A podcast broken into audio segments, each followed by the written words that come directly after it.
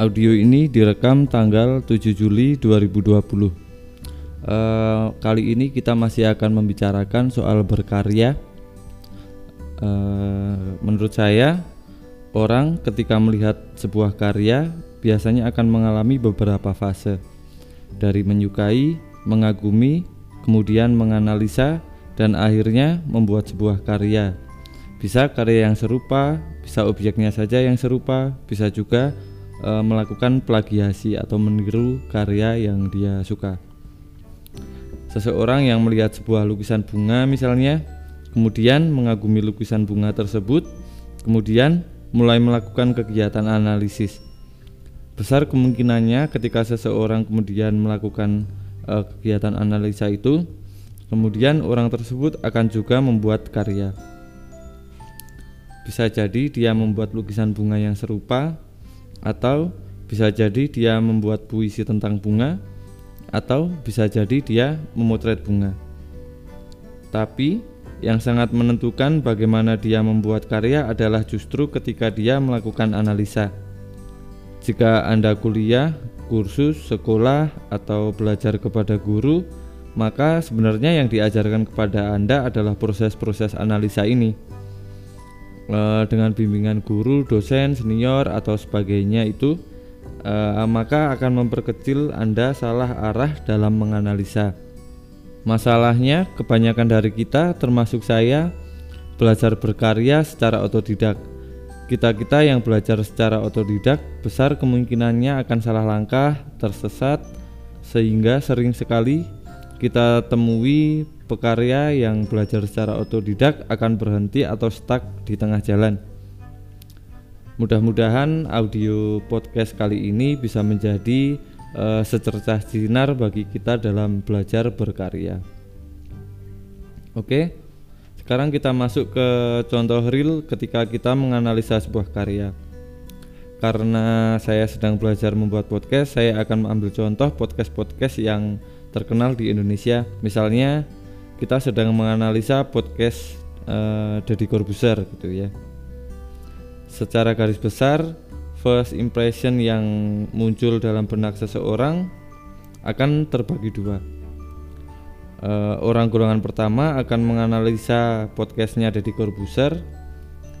Uh, yang muncul dalam benaknya adalah kualitas Deddy Corbuzier dalam berbicara, uh, skill dia dalam melontarkan pertanyaan, memainkan momen uh, mengundang bintang tamu dan sebagainya. Biasanya golongan pertama ini jumlahnya justru lebih sedikit. Yang lebih banyak adalah orang di golongan kedua yaitu orang yang mengamati kualitas audio yang dihasilkan dari peralatan audio high-end yang digunakan oleh Deddy Corbuzier. First impression inilah yang kemudian akan berdampak sangat besar ketika kita memutuskan untuk memulai berkarya. Orang golongan pertama akan mulai mencari soal ilmu-ilmu public speaking. Sementara orang golongan kedua akan pergi ke marketplace untuk survei harga mikrofon, akan mulai mencari di YouTube tentang review sound card dan sebagainya. Di sini sudah mulai kelihatan kan bedanya?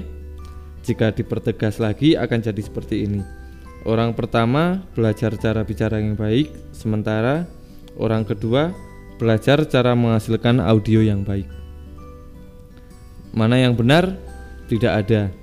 Karena menurut saya ini adalah bagian yang harus dilalui dalam proses seseorang ketika berkarya. Tapi pertanyaan yang harus kita tarik lagi ke belakang adalah kita harus ingat lagi target awal kita. Dalam perumpamaan ini adalah uh, kita sedang belajar membuat podcast Soal contoh kita tadi, podcast Deddy Corbuzier itu menarik menurut saya bukan cuma karena alat audio dia aja yang bagus. Lebih dari itu, yang lebih dominan adalah skill yang dia miliki, uh, skill bicaranya, skill membuat persona, skill memanfaatkan momen dan sebagainya. Kalau saya bilang skill bicaranya yang lebih penting, pertanyaan selanjutnya bisakah dengan skill doang, dengan alat yang sederhana, apakah bisa menghasilkan karya podcast yang bagus? Jawabannya menurut saya tentu saja bisa. Coba cek akun YouTube-nya Soleh Solihun. dia bisa bikin konten wawancara yang sangat mengalir bahkan dengan durasi yang sangat panjang sampai 2 jam hanya dengan HP yang dipegang pakai tangan. Bisa kan ternyata?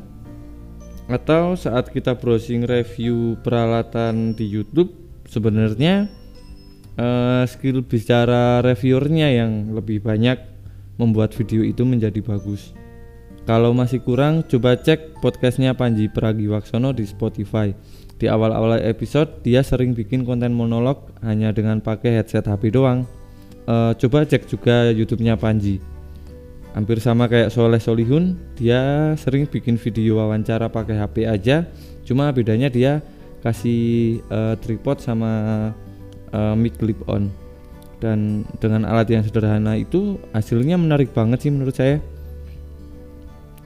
Uh, walau akhirnya di akhir-akhir podcast dia nambahin alat mic condenser sederhana yang cuma di uh, ditancap di laptop gitu nggak pakai audio mixer nggak pakai sound card dan sebagainya.